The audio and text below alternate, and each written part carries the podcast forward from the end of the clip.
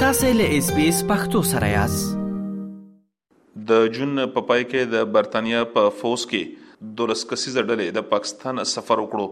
دوی د خپل سفر پر مهال باندې د پاکستان د فوز د سرلخکر جنرال کامرا جاوید باجوا سره هم لیده کتنې وکړې د دې ترڅنګ دوی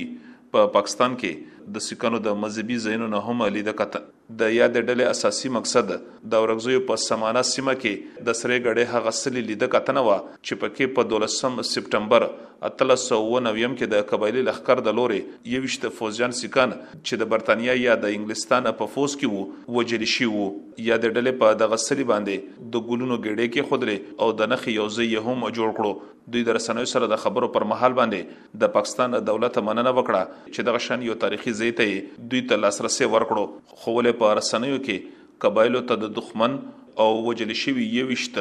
سیکانو عسکرو ته د اتلانو توري وکارول شول چې له هغې وروسته د قبایلي سیمو ولسونو په ټولنیزه رسنیو کې او دغه شان د غبرګون په توګه باندې دوی بیلابیل احتجاجي غونډې راوبللې او د دولت نه یې غوښتنه وکړه چې په دغه ګام دې د سیمې د ولسونو نه معافي وغواړي، ځکه چې له دې سره د دوی اتلانو ته کم نظر شوی دی. د اورکزیو د ولسونو د حقوق د غورځنګ یو فعال غړي محمد نواز د ایس بي ایس راډیو سره د خبرو پر مهال باندې وویل چې د سیکانو د راتګ پر مهال باندې رسنیو ته د تاریخ نه د سترګو پټولو پر اساس باندې کره معلومات نه دي خپاره کړي شوي. دوی وي چې قبایلو د خپلې سیمې ساتنه کوله او دغه شانتې د برتانیې د فوځ پر ضد باندې یې جنګونه کړي دي خو ولې په دغه اوسني معلوماتو کې دغه ښودل شوي دي چې قبایل بریدګر وو خو دغه سې نه ده.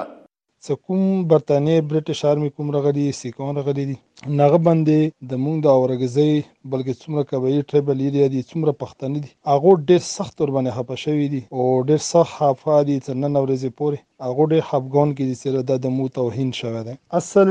د مو ته کوم دوک رسیدلی دی کوم خپګان رسیدلی دی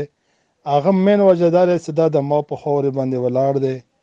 د ما کومه خاوره دی سره ګړی هغه کی کوم دی تاریخ ثبتوی کوم څیری دی دا بلکول منګړت خبری دی د مو د کوم اورکزو مشرانو د خیبرو د اورکزو هغو دی ته شکست ورکړی دی دغو کلن دسې نه دي کړي سې د مو خلکو ته شکست ملو شکست دغو ته ملو دی. د نجیب په نوم باندې د سیمې یو ځوان د هنګو پولیسو له خوا له هغې وروسته ونیول شو کله چې دوی د سمې ګړۍ هغه سري ته ولاړل چې د وژل شوو سیکانو فوځیانو په یاد کې جوړ شوی دی او هلته کې یې یوه ویډیو جوړه کړه دوی په دې کې په دولتي مامورینو باندې سختې نیوکې وکړې او په کې ویې ویل چې د قبایلو تاریخ په ناسمه توګه باندې خلکو ته وړاندې کړی شوی دی د نجیب د نیول کیدو وروسته دوی سخت ووهل شول په رسنیو کې د دوی چې کوم عکسونه خپاره کړی شول نو د دوی په بدن باندې د ټپي کېدو نښې ښکاره وې د جمعه العلماء اسلام فی ډلې د اورګزیو مشر مولانا عبدالبصیر د اس بي اس رادیو سره د سمې ګړې په مقام باندې د انګريزانو سره د تاریخي جنگ په اړه باندې وویل او 18 نومبر 1897 دا جنګ د برټش ګورنمنټ د دې چې کومه ابتدا شوې و دا په 7 جنوري 1897 کې شوې و او دا جنګ باقاعده په دستور سره روانو 65000 سرکاري مقاماتو باندې باقاعده 65000 پوج په سرکاري مقاماتو باندې موجود وو هغه د دغو کبایرو سره مقابله کوله او د دغه د مقابلې بلفت کوم میدان او هغه د تیرا علاقه وه په تیرا علاقه کې په دغه کې افریدي اقوام هم وو په دغه کې د اورګزي اقوام هم وو دا جنگ در هغه ټیم نه مسلسل روان وو کیدل کیدل کافي میاشتو پورې دغه جنگ وشول او په دغه کې مجموعه د مسلمانانو د لخر د مجاهدینو تعداد کم او بیش دا چې ختمي تور باندې څوک نشي خیاله ځکه چې اکثریا د دغه تاریخ د مسلمانانو بجای باندې دلته چې کوم کابیز فیرنګي او هغه دغه شیز لیکل دي خو چې کوم تعداد د دیو اختیم کې شیر شوی دی په دغه کې مکمل د دیو افسران د دیو جنگجو خلک په دغه ټول جنگ کې اول نه تر اخره پورې شوی تقریبا 339 کسان دا د جو باقاعده په دغه جنگ کې هغه ختم شوی دي او 1008 کسان دا باقاعده په دغه کې د پیرنګي او دغه څه کوم سیکو هغه څه کوم حریب کسان او مختلفو فرقې ورسره په دغه جنگ کې د پیرنګي په څنګ کې ولاړې وي هغه ټول د هغو دغه تعداد وو محمد نواز وویل چې تر اوسه پورې د ځایي چارواکو سره د ورکزۍ د قامي مشرانو او د ځوانانو هیڅ کومه ناسته نه ده شوې، ځکه چې دوی د فیصلې واک نه لري. دوی زیاته کړه چې په عمومي توګه باندې پښتنو اتلانو ته هغسې پاملرنه نه ده شوې او د دې له امله ځوانان له دې بې خبره پاتې شوي دي. دوی د اتلانو د ځایونو د خوندي ساتلو او د دې سم تاریخ وړاندې کول د دولت ذمه واري وګرځوله.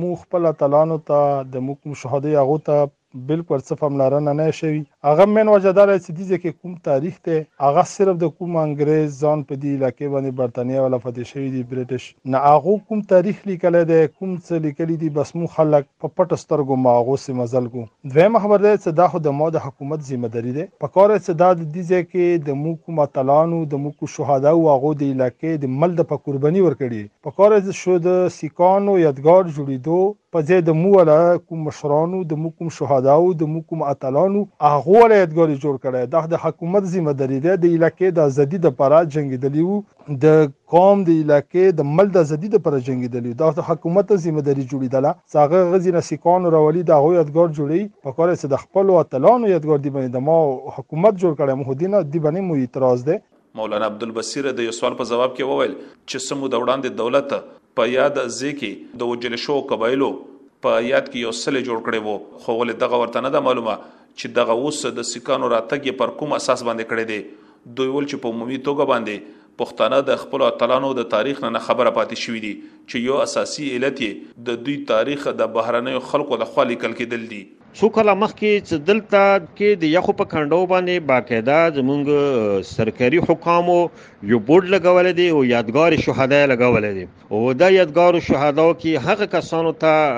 خراج عقیدت پیش کړی دی چې هغه باقاعده د خاورې د ازادي جنگ کړی دی اوس الته کې دویم یادګار لګی هغه یادګار کې د څخه دنیا ته یو طرف یادګار خود شهدا او تعالی لګولې دی او بل طرف د سیکانو یادګار لګوي د ستا په دغه خبره کې واقعي وزن دی چې مونږ قبایلو د تاریخ سره چې کوم تاریخ زمونږ وو د تاریخ کې یقینا مونږ د کنجوسۍ نه کار اخیستی مو خپل خلک په تاریخ باندې نه دی خبر کړي او مونږ د دغه تاریخ په حواله سره چې کوم حق او هغه حق نه ادا کړی دی نه ادا کوو اوس هم په جذباتي نارو کې خورا شو هغه قبایلي غیرت خو مروشت شو لیکن هغه هغه سره سنجیدګي پکار دی متانت پکار دی سوچ فکر پکار دی او قوم ته ملک ته هغه حقایق مخکې کول پکار دی چې دغه قبایلو یقینا کومې قربانیانې کړې دي کاغه په کشمیر کې کړې دي کله د برټش انډیا په خلاف دلته کړې دي په سمګړې سیمه کې د سکانو د سری ته د برتانیې د فوځي عسکرو له د راتګ وروسته د سیمې د ولسونو پام په دې لور ګرځېدلی دی چې دوی د خپلو اتلانو د تاریخ نه ځان خبر وساتي. اسلام ګل افریدي، اس بي اس رادیو، پېښور. اس بي اس پښتو په فیسبوک کې تا کې پلی مطلب یو فاک کړئ نظر ور کړئ او له نورو سره شریک کړئ.